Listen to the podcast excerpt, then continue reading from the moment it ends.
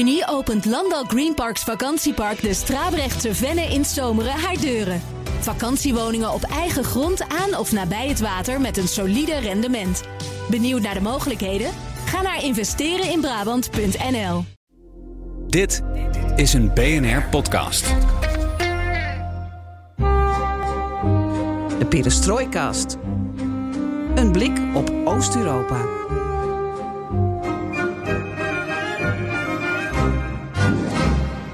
Welkom bij BNR Perestrooikast. Aflevering 217 van de enige podcast van Nederland die volledig oog voor het oosten heeft en geeft. Het is voorjaarsvakantie voor een aantal van de luisteraars. En wij vullen jullie vakantieweek met een aantal meer dan prachtige podcasts. Er zit er veel V's in jouw zin. Ja, daarom, daar struikelde ik even over. Maar wel een soort Nou, van alliteratie. Dit ging heel erg vloeiend. Ja, ik moest er, wel, ik moest er wel even bij nadenken. Floris met een F.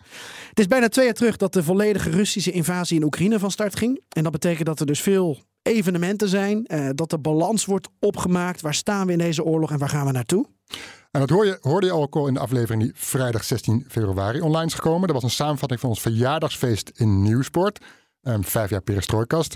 Maar ons evenement hing wel samen met twee jaar invasie en tien jaar oorlog. Want in feite ja, spreken we daarover. Ja, en deze week, van dinsdag 20 februari tot en met vrijdag 23 februari, verschijnt daarom ook de Alliantie, een samenwerking van BNR De Wereld, Boekenstein in de Wijk en BNR Perestrooikast met, met Floris en met mij. En dan maken we dus met een aantal Oekraïne-watchers en, en geopolitiekelingen, als dat een woord is, de balans op van, van twee jaar oorlog. Dus dan wordt het weer twee jaar oor- oorlog, Floris. Ehm, ja, eh, het is verwarrend voor de luisteraar. Maar eh, we, we houden het even op de afgelopen twee jaar. Onder leiding van Lisbeth Staats.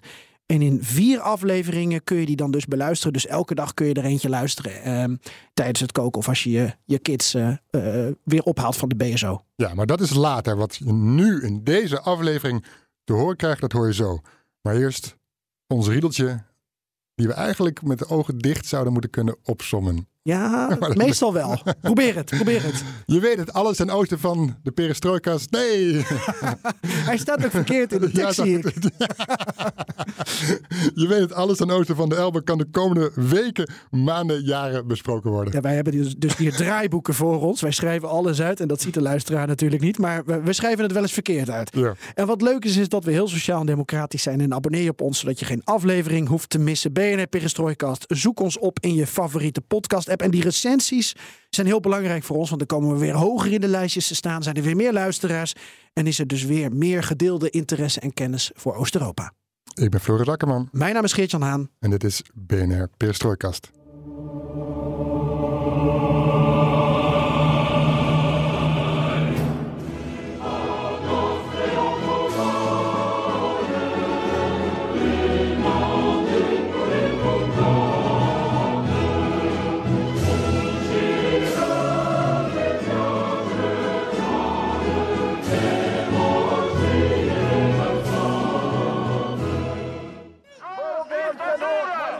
With the dictator, they shout. For months, rising food and energy costs has brought protesters onto Moldova's streets. But the government's accused Russia of deliberately stoking the anger by pushing up prices, spreading propaganda, and backing a plot to overthrow them. Something Moscow and Moldova's pro Russian politicians dispute. Maar vandaag dus komen we met een andere aflevering. Een vrij bijzondere en een heel actuele. Deze aflevering namelijk, gaat namelijk over Moldavië. En die heb jij, nou in ieder geval, ik was er niet bij betrokken, maar dus alle credits naar jou, Geert-Jan, eh, grotendeels gemaakt. Dus praat me even bij. Ja, maar ik vind het wel leuk om dit samen met jou even te introduceren. Eh, het is natuurlijk Oekraïne waar onze aandacht eh, voornamelijk naar uitgaat. En ook naar Rusland. Maar afgelopen jaren hebben jij en ik, eh, Floris, in 2023 toch ook best wel veel aandacht gehad voor Polen vanwege de verkiezingen Mhm. daar. En ook wel voor Moldavië. Ja, dat kun je in onze show notes gaan we alle Moldavië afleveringen noteren. Ehm, ik kan me nog het interview met Maya Sandu, eh, de president van Moldavië, goed herinneren eh, in een hotelkamer in Den Haag. Die van tevoren even werd gecheckt door een beveiliger of het allemaal wel zo veilig was. Of wij wel te vertrouwen waren. Ja, dat was heel vroeg op de ochtend. En wij moesten ook zelf daar onze podcaststudio nog opbouwen. En dat was dus een hotelkamer die daar speciaal voor was gereserveerd.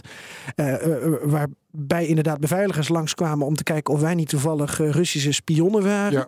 En het zou best wel kunnen dat ze zelf in de keukenkastjes camera's hadden mm -hmm, hangen. Mm -hmm. Maar toen kwam Maya Sandu en hebben we ruim een half uur met haar kunnen kletsen. een prettig gesprek. Niet over leuke onderwerpen, maar vooral over alle vormen van bedreiging waar Moldavië mee te maken heeft. En ik kan me herinneren dat jij nog een enorme opsomming had voor Maya Sandu met iets van 12 of 13 verschillende soorten van bedreiging waar Moldavië mee te maken had, die jij even aan haar introduceerde. Mm -hmm. En daar mocht ze op reageren. Ja, schiet, schiet me raak zou ik bijna zeggen om een beetje in de termen te blijven. Um, maar jij Geert-Jan, je hebt niet alleen Sandu gesproken dit jaar, maar uh, veel meer mensen in Moldavië. Ook in Moldavië zelf, toch? Ja, want ik ben daar uh, geweest. Ook tijdens de uh, ja, European Political uh, Community. Dat is een top die halverwege 2023 in Moldavië werd georganiseerd door Moldavië.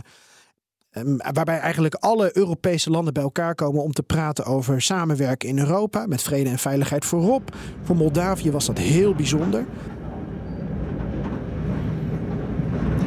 De trein leidt ons van Chisinau, de hoofdstad, door de buitenwijken richting Bolboacha. En Bolboacha, daar is Mimi Castle. En dat is een wijngoed, 19e eeuw. Waar straks de Europese leiders allemaal bij elkaar komen. We rijden nu langs silo's. Een oude centrale. En we hebben het ook daarover gehad in de perestrojkast. We hebben ook bijvoorbeeld gesproken met een, eh, een havendirecteur. We hebben mm -hmm, ook gesproken met uh, de premier, voormalig premier van Moldavië. Maar ik heb dus van Moldavië afgelopen jaar een soort studieproject gemaakt. Um, want we hebben met een aantal verslaggevers van BNR een podcastserie gemaakt. De Oostflank. Die heeft weer een aparte podcastfeed. En daarin hebben we meerdere landen aan de oostgrens van Europa bezocht. En ik mocht Moldavië doen. Ja, en jij had het al over al die bedreigingen van, van Moldavië. Ja, ik moest er toch eentje uitpikken. En ik heb het dus. Wat werd? Ik heb me gefocust op energiepolitiek. Hoezo energiepolitiek? Waarom, waarom dat nou weer? Omdat Moldavië probeert los te komen van Rusland. En dat gaat met horten en stoten. En zeker op het gebied van, uh, van energie. Ja, en, en energie is eigenlijk, speelt altijd een rol. Maar nu is er nog een extra actuele aanleiding voor? Ja, nadat we deze aflevering hadden opgenomen over Moldavië, en dat is uh, ongeveer een week geleden dat we ja, al het materiaal op een hoop hebben geveegd en, en daar een, uh, een aflevering van ongeveer een half uur van hebben gemaakt, die je nu zo gaat horen. Ja, daarna kwam het nieuws dat um, de Europese Unie na dit jaar, na 2024, niet langer gas uit Rusland gaat importeren. Um, dat is een gascontract dat dan uh, ja, ten einde loopt. En jij weet door welk land dat gas dan komt door Oekraïne. Mm -hmm. En uh, ja, de Europese Commissie, en er is een energiecommissaris, Kadri Simpson, die was ook laatst in Moldavië geweest, die zegt ja, wij hebben er geen belang meer bij om die trilaterale gasdoorvoerovereenkomst met Rusland en dus ook Oekraïne te verlengen. Um, Oekraïne heeft ook al aangegeven na dit jaar eigenlijk wel te willen stoppen met um, ja, de export van, van Russisch gas. Want daar verdient Rusland natuurlijk ook uh, uh, geld aan, wat er mm -hmm. weer in de oorlogskas -hmm. komt. Maar mind you, niet alleen landen in de Europese Unie krijgen gas uit Oekraïne, ook Moldavië. Ja.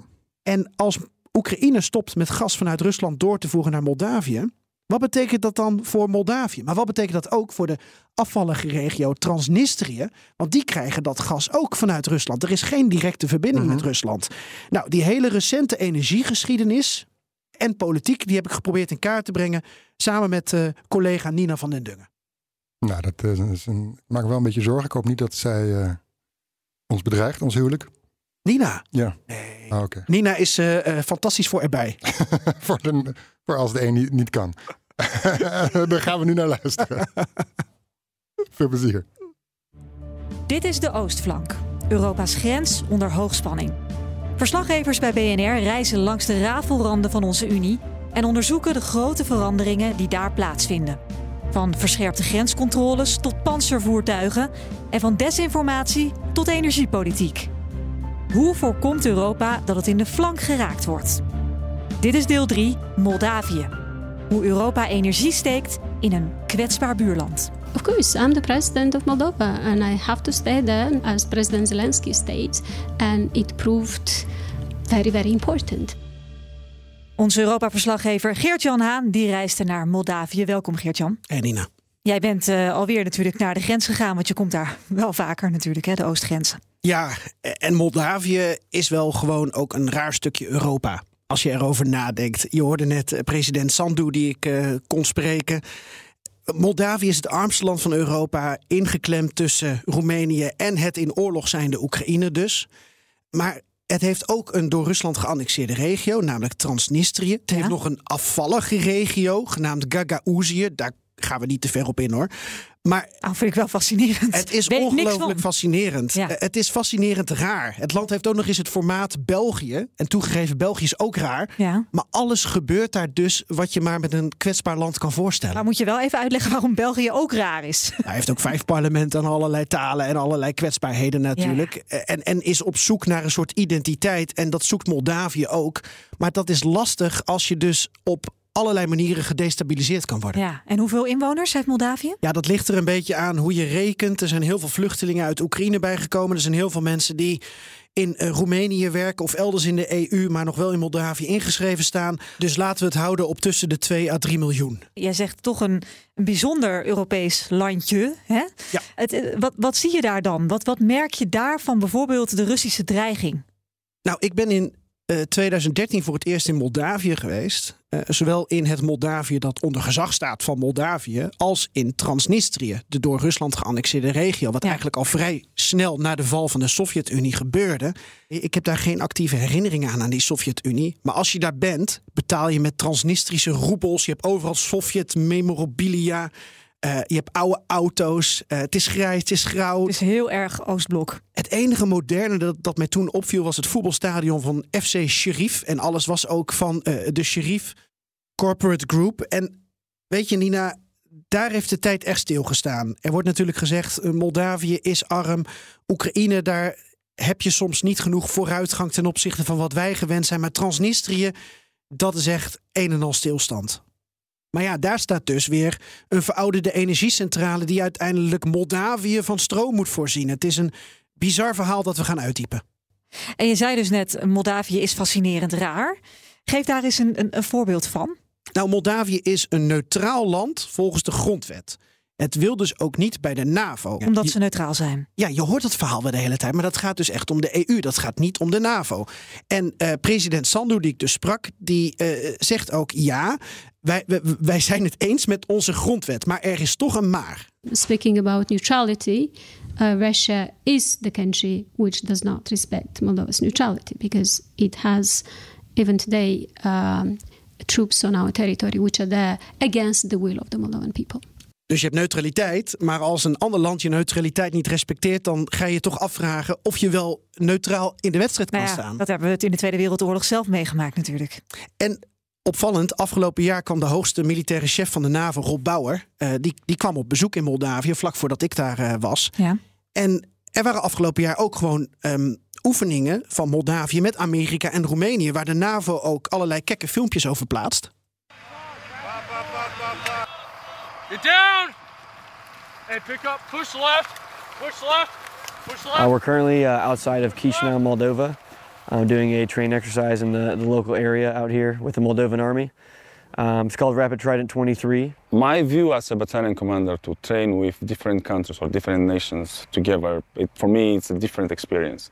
I would say it's a big ex uh, exchange of experience for, uh, for the partnership. And I see it in a, in a positive way. Nou duiken we gelijk al dieper in Moldavië en dus ook toch wel in de dreiging die zij blijkbaar toch ook wel vrezen, die ze misschien ook wel ervaren. Heb jij dat ook ontdekt, dat ze last hebben van, van dreiging, van, dat ze dat voelen? Ja, ik ken eigenlijk geen land dat op zoveel manieren gedestabiliseerd kan worden en zo kwetsbaar is als uh, Moldavië. Kijk, deze Oostflankserie gaat over hoe het landen vergaat en met welke dreiging ze omgaan. Maar in het geval van Moldavië had ik echt voor zoveel invalshoeken kunnen kiezen. Ja. Uh, daarom wil ik in deze eerste tien minuten al een soort sneak preview daarvan geven. Van wat voor soort kwetsbaarheden heb je. En dan, en dan gaan we zo inderdaad een, een, een focuspunt aanpakken. Maar je, je hoort al iets van de militaire dreiging. Hè? En ook Ja. president Sandu, die ook heeft nagedacht over of ze eh, de hoofdstad Chisinau zou moeten verlaten als Moldavië zou overkomen wat de Oekraïne is overkomen. Ik had daarover gelezen dat ze dus echt discussies hebben gehad in Moldavië over ja shit, Zelensky heeft besloten te blijven, wat moeten wij doen? En zij zegt dus uiteindelijk tegen mij Ehm, vol vertrouwen. Ja, ik zou ook blijven, want dat verwachten de mensen van ons. Maar tot Zelensky dat deed, was dat geen vanzelfsprekendheid in Oost-Europa hoor. Als Rusland zoiets zou uitvoeren. Maar peer je hem als president? Ja, er wordt ook als vanuit leider. Amerika of Engeland of andere plekken wordt er natuurlijk een plekje Aangeboden, aangeboden. ja. Ik bedoel, Wilhelmina heeft het ook bij ons gedaan. Ja. En eh, dat vind ik dus ook al eh, fascinerend. Dan heb je het over de militaire dreiging. Ze hebben natuurlijk eerder al een annexatie gehad. Ehm, maar we hebben zoveel vormen van kwetsbaarheid in Moldavië... dat ik gewoon even een, een combinatie van, van 2,5 muziek heb gemaakt. 2,5 minuut? 2,5 minuut op de bekende klanken van de Moldavische band Ozone. Je kent ze wel van de Foute Uurtjes. Eh, Is met- dat van Dragos Starintij? En daar ga je pianomuziek van horen.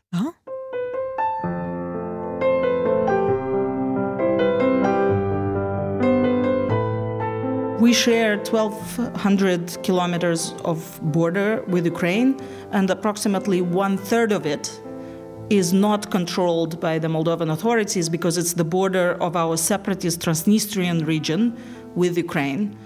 Eh, dat wij hier met z'n allen zijn en zeggen wij staan, wij staan als één. Samen met Maya Sandu, eh, deze kleine vrouw daar in die groene jurk. Een van de sterkste leiders in Europa op dit moment. Ik heb ben enorm van haar onder de indruk. And in Moldova, we, we had a situation when we had protests uh, financed uh, by Russia, hoping to make these protests violent and then to overthrow the government. Je moet je voorstellen, het, gemiddeld inkomen hoofd van de bevolking is 500 euro per maand. Eh, en daarvan gaat, ging op enig moment twee derde naar de gasrekening.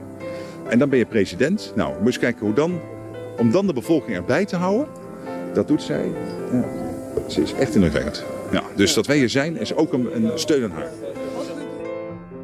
Ik denk dat heel Europa zich eh, bewust is van eh, de geopolitieke plek van Moldavië. En dat wij ook met z'n allen proberen het land nu te ondersteunen. En met name deze regering die er nu zit onder Maya Sandu, eh, die kiest voor eh, de Europese koers. En wij als Nederland willen dat ook ondersteunen. The easternmost point of Moldova is only 60 kilometers away from Odessa. I have met refugees that have walked from Odessa to uh, the border. Of course, we are worried. Our people are worried. I mean, they they live in the south of Moldova. That they can hear the attacks. I'm Minister of Defense of Republic of Moldova, Anatoly Nosady. Ukrainian armed forces moved the Russian troops uh, farther from the, our borders. However, we remain vulnerable in the area of air defense. you know, Russians were geniuses because uh, when we used to be a Soviet republic, they managed it so well. If you think about it, in terms of securing, they have a full leverage from supply, from the company who is supplying that, from the uh, infrastructure perspective as well. There was no gas link whatsoever with Romania before, nothing linked with the Western world.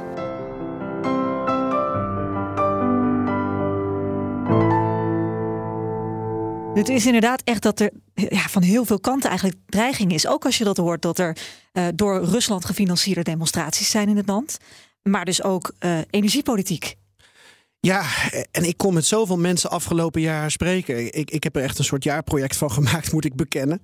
En dan heb je heel veel materiaal. Eh, de minister van Defensie, eh, de belangrijkste adviseur van de premier op het gebied van cyberdefensie. Die heb je niet eens hierin gehoord. We hebben het gehad over corruptie, oligarchen, vluchtelingen, desinformatie. Je hoort een, een havendirecteur.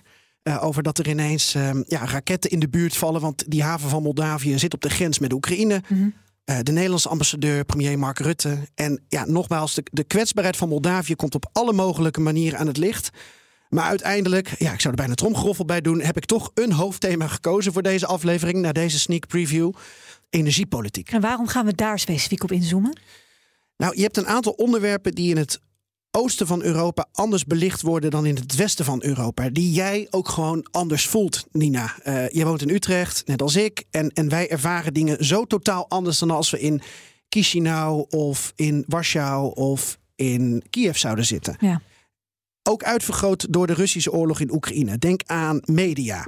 Ehm, wij hebben twijfels over het, het sanctioneren van Russische media als Russia Today en Sputnik. Dat is wel door de EU zo besloten aan het begin van de Oekraïense uh, oorlog. Toen dat Rusland. zij gesanctioneerd worden? Ja, ze zijn gesanctioneerd, want um, Russische media uh, worden als wapens gezien. Ja, je zou... de roeptoeter van Poetin. Ja, maar je zou ook kunnen denken, hier in West-Europa, ja, um, vrije pers. Uh, en zijn wij niet zelf in staat om dit soort mediaberichten te duiden? Wij kunnen toch allemaal logisch nadenken. Um, misschien is het wel propaganda, maar ja, wij hoeven dat niet zo te zien als we een beetje redelijk zijn. Hm? Maar aan de oostflank denkt een deel van de regeringen daar anders over, omdat hun antwoord is: ja, vrije pers, Amahula, dit is geen pers, geen media, geen journalistiek. Dit, is, dit zijn pure propagandakanalen met als doel om onze regering te destabiliseren. Mhm. Met desinformatie, met nepnieuws, angst te zaaien waar een deel van de bevolking ook vatbaar voor is, andere narratieven um, de wereld in helpen, et cetera. Conclusie: geen media, maar wapens, instrumenten. Ja. Ja. En datzelfde, Nina, geldt voor energie. Ben je erg afhankelijk van Russische energie, dan loop je het risico dat je, om het even gechargeerd te zeggen, gegijzeld wordt. We ja, hebben dat... want ze doen gewoon de kraan dicht. Ja, en we hebben dat 15 jaar terug al meegemaakt met Oekraïne als doorvoerland voor Russisch gas. Toen zaten we ook in Nederland daar heel erg over te klagen, want het had ook gevolgen voor ons kunnen hebben. Maar onze regering werd er niet door gedestabiliseerd. Daar hadden we andere instrumenten voor, denk ik. Uh, maar de, de macht van Gazprom, van Rasneft, van het Kremlin, van Poetin, dat gaat ver. En wij denken dan shit. Dat raakt onze portemonnee, het wordt duurder, we krijgen inflatie. Maar in Moldavië kunnen hogere prijzen leiden tot een hele grote aanslag op het besteedbare inkomen. Ja, wat zei Rutte net in jouw compilatie? Twee derde. Twee derde van je 500 euro per maand die je verdient, gemiddeld hè, als Moldavische werknemer, ja. gaat gewoon 300, 350 euro naar de gasrekening. Ja, op het hoogtepunt was het geloof ik 75 procent. Ongelooflijk. En dat leidt dan logischerwijs tot hele grote protesten. En dat leidt dan logischerwijs tot destabilisatie van de positie van de regering. Ja. En wat je president Maya Sandu hoorde zeggen, zo kun je een regering ook eigenlijk laten vallen. vervangen, laten vallen. Ja. Um, zij vaart een pro-Europese koers, maar uh, de mensen denken van ja, Amahula, uh, onder een pro-Russische koers is de, is de gasprijs lager. Precies, dus en daar dan gaat gaan het we mij om. daarvoor. Ja. Dat ja. is zo lastig. En in haar beleving waren de Russen dan ook uit op, op regime change. Zo ver gaat het dan. En ja, weet je, um, energie, voedsel, uh, media, zijn wereldwijd instrumenten die, die je ook op een andere manier kan inzetten.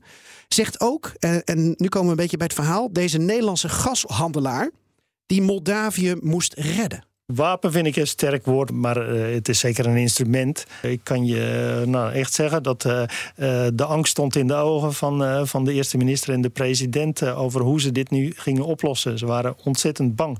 en dus wat je zegt over het gas en het thema gas. Inderdaad, het, uh, het was dus wel gelukt om het zodanig te instrumentaliseren dat de, de Moldavische politici heel bang zijn voor het thema gas. Maar wat is er dan specifiek gebeurd? Wanneer werd Moldavië door Rusland hè, een soort van gekort of waardoor die gasprijzen zo omhoog gingen? Ja, 2021. Dat is eigenlijk het, het startpunt uh, zo dadelijk van, uh, van deze reportage, Nina. Maar het gebeurt dus niet alleen in Moldavië of Oekraïne uh, dat energie als instrument wordt ingezet. Gasprijs is een, ja, is een soort symbool in die landen voor, voor politiek, maar en ook in andere Oost-Europese landen zoals Roemenië, Bulgarije. Ik ga deze man zo nader introduceren. Een Nederlandse gashandelaar die Moldavië moest redden. Dat klinkt natuurlijk super spannend. Ja. en nogmaals, dit speelt dus in heel veel landen langs de oostflank. Maar voor Moldavië is het, is het extra ingewikkeld omdat de uitgangspositie al sinds de Sovjet-tijd anders was. Alles stond onder het gezag van, van de Russen. En dat hebben ze eigenlijk weten te behouden. Dat hoorde je staatssecretaris van Energie Carolina Novak net al uitleggen. I think over the past 31 years, um, since our independence, frankly, um, energy was and is intrinsic to, towards the national security of Moldova. And we were, and still are in, to a certain degree, uh, highly exposed in terms of um, energy security. And the vulnerability degree is quite high. Now, why is that? As I referred, I mean, till um, basically October 2022, we were dependent 100% by one single source of origin of gas and one single supplier, which was Gazprom. And that gas was used both for heating, so combined heat and, uh, and power, uh, district heating, but also the electricity was produced from the same source. Around uh, 70% or 65% from the power plant in Transnistria. Oké, dus 2021 begon, hè, uh, eigenlijk waar wij het nu over gaan hebben, begon de energiecrisis voor Moldavië. Ja, ik ga je meenemen door de problemen tussen eind 2021 en nu. Ja. En ik kan alvast verklappen, nu zijn er ook al wat oplossingen. En dat begon eigenlijk met de Nederlandse gashandelaar Willem Koppelsen. Die heeft al decennia lang ervaring in de energiewereld. Met name Oost-Europa is zijn werkterrein. Hij zat ooit in het buitenlandklasje en daar heeft hij Russisch geleerd. Oekraïne is voor hem bekend terrein. Daar maakte hij voor het eerst ook mee dat gas politiek kan zijn. Mhm. En dan zitten we vlak voor de volledige Russische invasie in Oekraïne. Moldavië en Gazprom die komen niet uit onderhandelingen over een nieuw contract Ja. voor energie. Dit was 2021. Ja. ja. En volgens eh, oud-premier Gavrilitsa, die ik ook heb gesproken... Van Moldavië? Van Moldavië. Vroeg Gazprom het drievoudige van het oude contract. En dan werd er gezegd... Ja, dat heeft te maken met dat er sinds drie maanden een pro-Europese regering in Chisinau zit en niet meer een pro-Russische. Dus je wordt meteen ges- gestraft, eigenlijk. Maar Rusland zegt, ja, wij doen gewoon zaken. Nou, die pro-Europese regering in Moldavië, die zit in de problemen.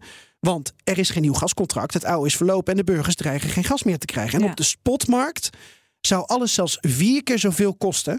En eh, ja, dan wordt gashandelaar Willem gebeld. Op dit moment eh, ben ik al nou, iets meer dan twee jaar eh groepsdirecteur van een Amerikaans-Oekraïens gas- en eh, elektriciteitshandelsbedrijf. Dat heet ERU. Eh, op een zondag eh, belt de vertegenwoordiger van de Europese Commissie in, in, in Kiev belt me. Hij zegt, ja, ik zit in, in Chisinau in, in Moldavië, Willem.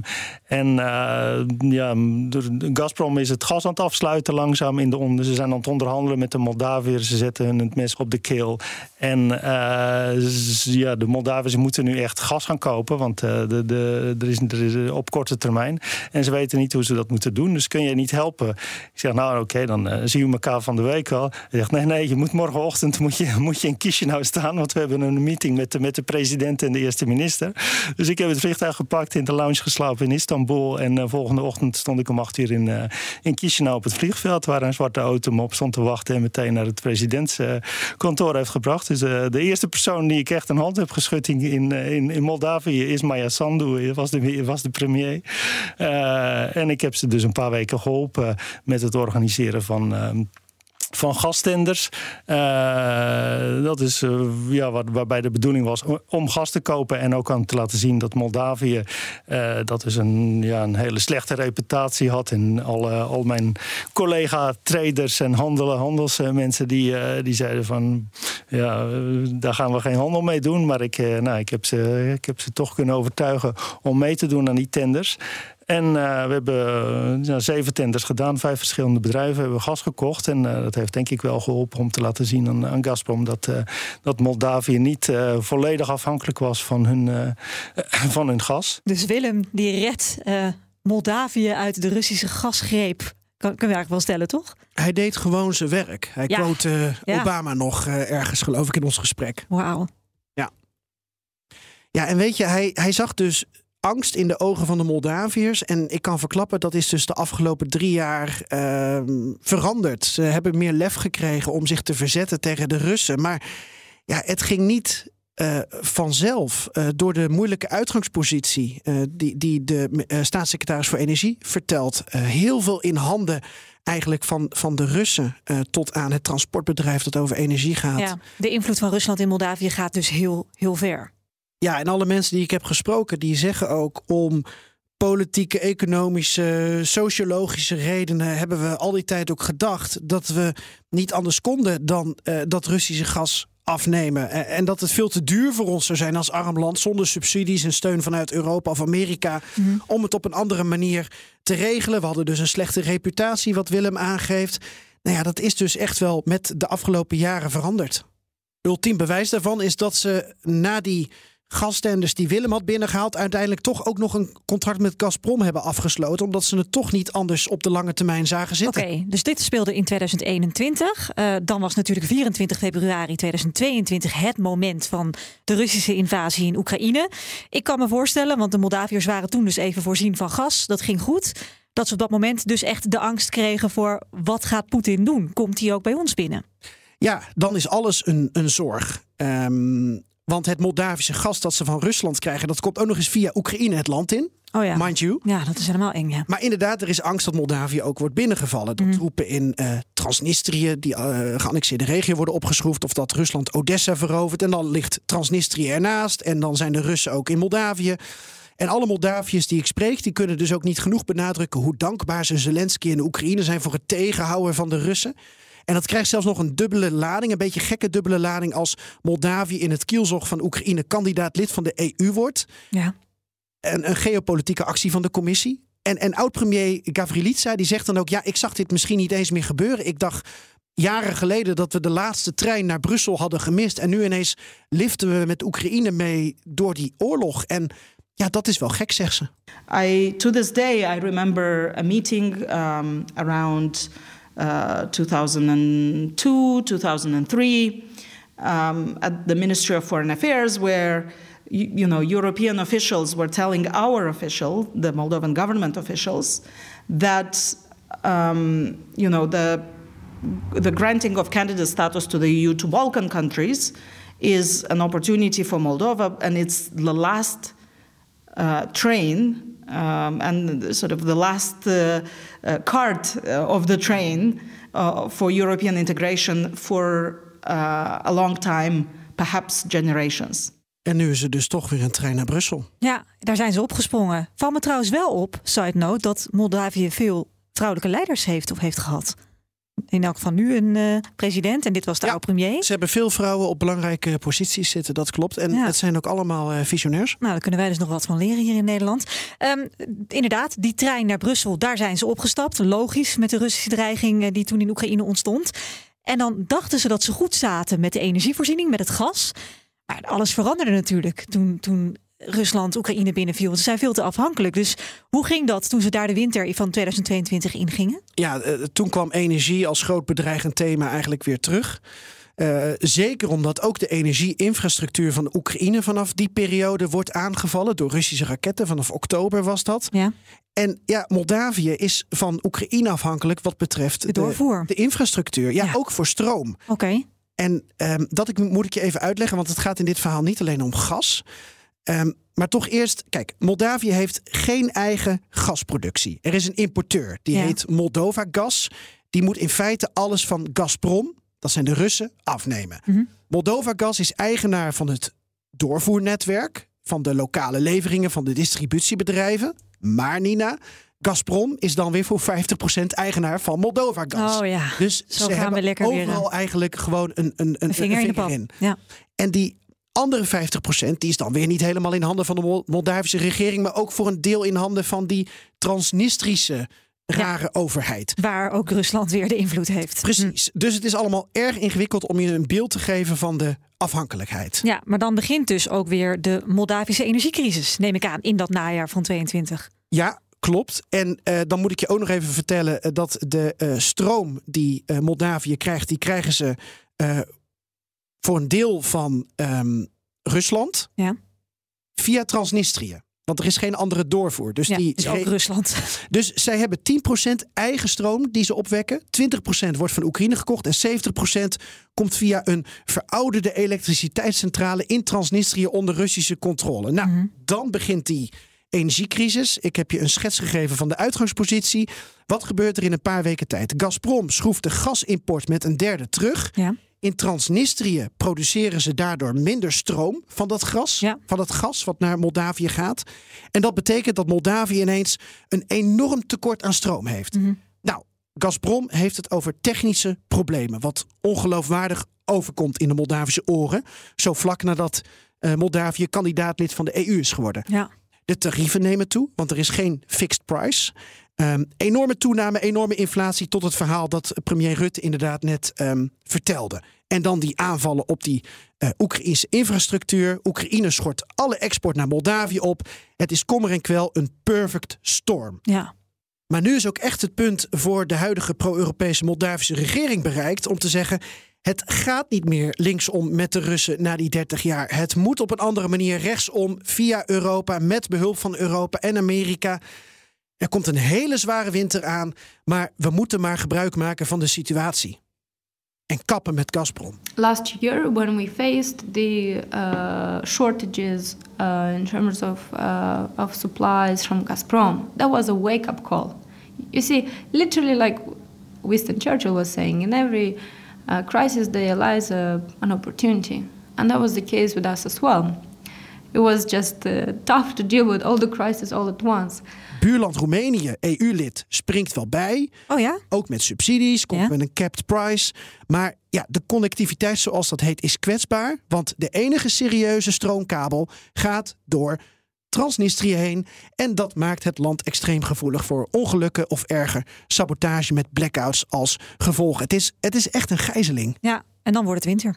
En dat is het punt van president Maya Sandu. Die zegt: ja, kijk. ehm, dan mogen mensen protesteren tegen hogere prijzen. Snap ik helemaal. Ze mogen demonstreren. We zijn een vrij land. We voelen allemaal de inflatie. Maar in haar optiek ehm, worden er pro-Russische protesten gestimuleerd. Die ook nog eens gevoed zijn door problemen die door de Russen zijn gecreëerd. En die als doel hebben om een pro-Europese regering omver te werpen. Ja. Uiteindelijk ontslaat ze premier Gavrilitsa, die vrouw die ik dus ook heb gesproken. En zij legt uit, ja, dat is omdat Moldavië een nieuw verhaal nodig had. We stonden zo in de crisisstand. En president Sandu vond dat we dus eigenlijk weer ja, de controle moesten terugkrijgen. Nou, en dan krijg je ook nog, Nina, heel veel desinformatie. Ehm, Moldavië strijdt tegen oligarchen, vangt honderdduizenden Oekraïnse vluchtelingen op, terwijl het zelf maar een piepkleine bevolking heeft. Nou, het land is door die winter gekomen. Ehm, zoals er altijd een nieuw seizoen eh, aanbreekt. En ook dus een nieuwe premier en een aantal nieuwe poppetjes. Maar belangrijk, de pro-Europese regering heeft die perfect storm dus wel overleefd. Ja, maar goed, dan heb je nog steeds een woedende bevolking. Eh, hè? Je bent gewoon compleet afhankelijk, ook als burger, van gas en stroom. Ja. Dus eh, ja, dan, dan ga je uiteindelijk 2023 in. En dan? Nou, eh, dan moet het eh, anders. Dan moet je in oplossingen gaan denken. Om te voorkomen dat de winter die ze hebben meegemaakt. niet nog een keer van hetzelfde crisisniveau is. Ehm, en er zijn later dit jaar, 2024, presidentsverkiezingen. Dus ook politiek gezien is het van belang voor Maya Sandu om niet nog zo'n horrorwinter mee te maken. Nee, maar je zei al dat er wel oplossingen waren. Zeker. Moldavië is wel inmiddels, spoiler alert, van het Russische gas af. Ja. Maar nog niet ehm, zelfvoorzienend of anders voorzienend van de stroom. En die hebben ze dus nog nodig, ook via, eh, via die doorvoer, via Transnistrië. Het is allemaal erg ingewikkeld. En dan laat ik dus die hele militaire eh, dreiging nog, nog buiten beschouwing. En dat Ja. de Russische buitenlandminister Lavrov ook weer eh, in februari zei: ja, Moldavië is het volgende Oekraïne. Nou, Ja. succes zonder leger. En hoe gaat Sandu dit fixen? Of hoe heeft ze het al gefixt? Nou, laten we met gas beginnen. Ehm, Moldavië is bijna helemaal onafhankelijk van Rusland geworden als het gaat om gas. Eh, Willem Koppelsen, de, de Nederlandse gashandelaar. ja. en die zegt ook: Gazprom en het Kremlin hebben bijna geen hefboom meer. En hij zegt: Ja, toen ik daar was, hebben we ook ehm, daarover gesproken. Dus er is een contract gesloten in 2021, uiteindelijk toch weer, dat nu nog loopt. Met Gazprom? Ja, maar Nina, binnen dat contract zitten verschillende contracten. Want, ik zei al, Moldavië neemt een deel van dat gas af.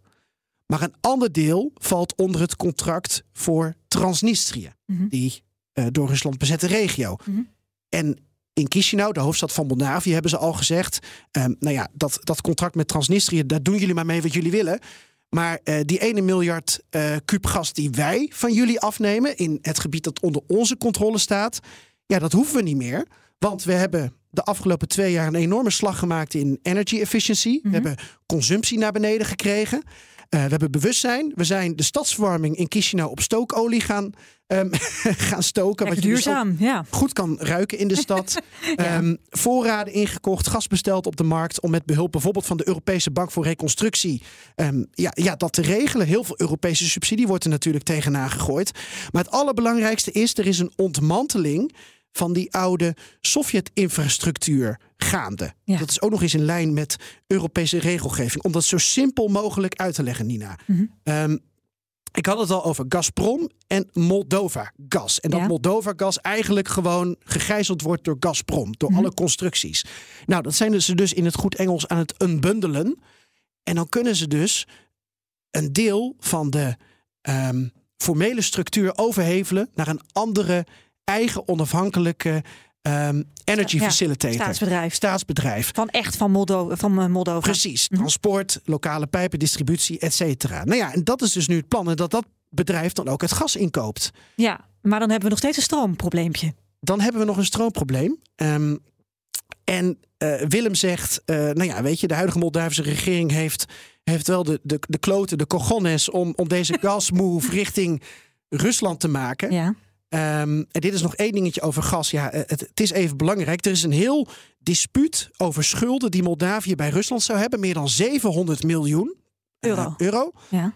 En er is een audit van een onafhankelijke partij geweest. Een Noorse partij. En die heeft gezegd, die claim van Gazprom is onterecht. Terwijl die claim al jaren boven de markt hangt.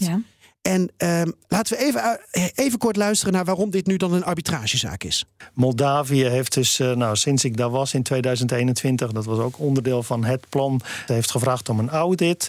Die audit is gedaan door een onafhankelijk eh, Noors eh, advocatenkantoor. Moldavië heeft dus geantwoord eh, dat, eh, dat die schadeclaim eh, bijna nul is. Eh, dat, dat ze eigenlijk eh, bijna niks verschuldigd zijn aan, eh, aan Gazprom. Het- is nog geen rechtszaak, maar daar ook. eh, dus Moldavië koopt zijn gas nu eh, onafhankelijk voor de rechteroever. Eh, heeft op die schade eh, of op die, die claim geantwoord dat ze, dat, niet, dat ze daar niet mee eens zijn. Nou, ik denk dat dat inderdaad drie jaar geleden of tweeënhalf jaar geleden voor de nieuwe Moldavische regering gewoon ondenkbaar was geweest om zo'n sterke positie in te nemen tegen Gazprom.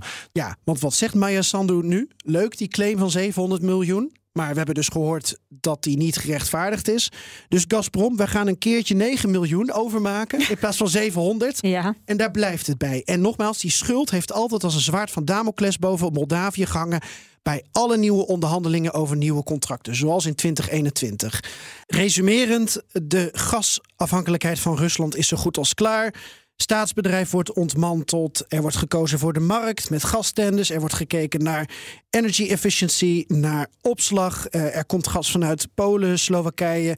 Met een lening van de eh, Europese Bank voor Reconstructie kunnen ze de boer op. En dan is er ook nog een mogelijkheid, en dat hoorde ik collega Martijn Rijk al zeggen, om bijvoorbeeld eh, Amerikaanse LNG uit een Griekse terminal te krijgen vanuit Alexandroupolis. Wat ook door Willem Koppelsen wordt bevestigd. Dat is wel ontzettend duur.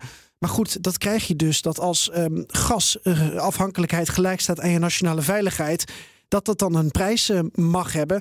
Wel fijn als Amerika en Europa dan een beetje helpen. Tot nu toe eh, zijn ze in een overgangsfase, want de eerste stap was dat de regering, en dus heb je de, de, het staatsbedrijf, is, is, eh, is er nu bijna volledig in geslaagd om los te komen van Gazprom. Het contract loopt nog steeds, maar wordt eigenlijk niet, niet, niet uitgeoefend. Dus, eh, dus de Moldavië koopt zijn gas gewoon op de markt. Het belangrijkste probleem om op te lossen is het elektriciteitsvraagstuk. Er wordt hard gewerkt aan een stroomnet ehm, met Roemenië, maar dat is nog niet af.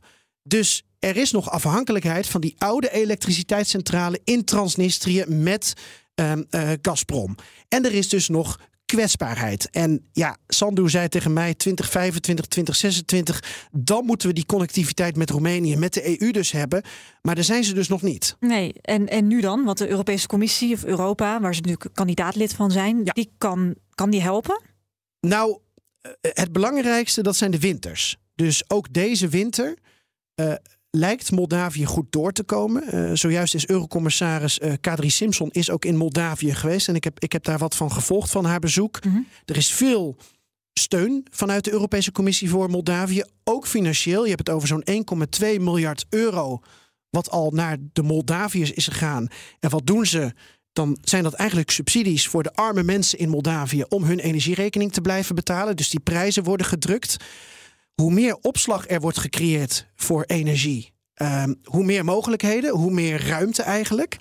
En eh, er wordt ingezet op hernieuwbare energie. Ja. En toen ik boven Moldavië vloog, ging ik een beetje kijken. En ik zag nog weinig zonnepanelen en, en windmolens. Maar dat kan het land wel hebben. Ehm, en daar wordt dus over nagedacht. Moldavië is dus nu in het complete proces bezig om die energieafhankelijkheid van Rusland helemaal af te bouwen. En dat is zowel op gas als stroom. Enorme, ehm, nou ja, enorm proces om dat te doen. Eh, en dan ook nog politieke verkiezingen in het vooruitzicht voor president Sandu. En nog een paar grote problemen. Er ontstaat een afhankelijkheid van Roemenië.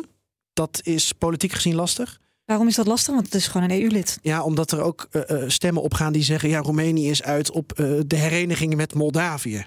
Ah, dat heeft dan weer met een andere een soort, Ook een soort vijandelijke ja. buur mogelijk. Nou ja, het is een hele goede buur, maar misschien een te goede buur. En daar, daar is heel veel gedoe over.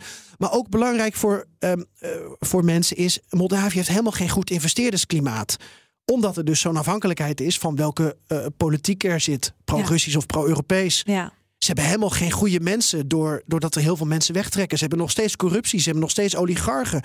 Ze hebben geen goede infrastructuur. Um, ze hebben goede wijn.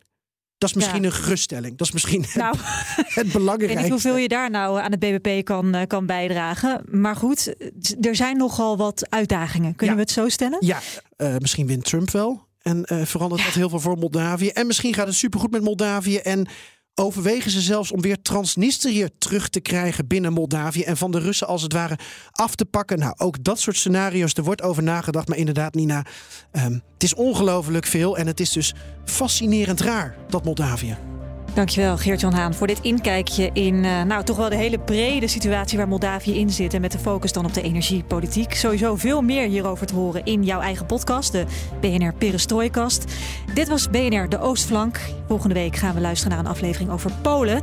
Ik ben Nina van den Dungen. Dankjewel voor het luisteren. Eh, nou, dit was, dit was eigenlijk. Ja, dit is, dit is eh, het volgende niveau, hè? Een podcast in een podcast. Ja, zoals een droom in een droomvloer is.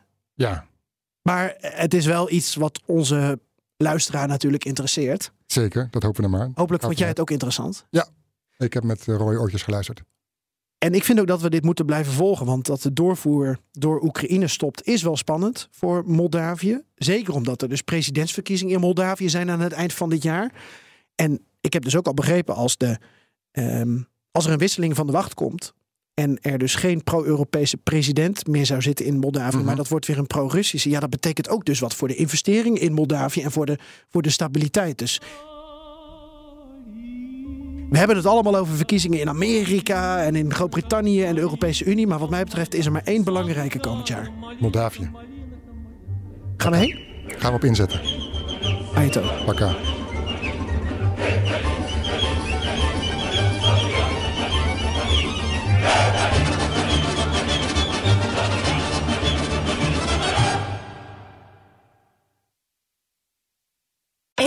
1 juni opent Landal Green Parks vakantiepark de Strabrechtse Venne in Zomeren haar deuren. Vakantiewoningen op eigen grond aan of nabij het water met een solide rendement. Benieuwd naar de mogelijkheden? Ga naar investereninbrabant.nl.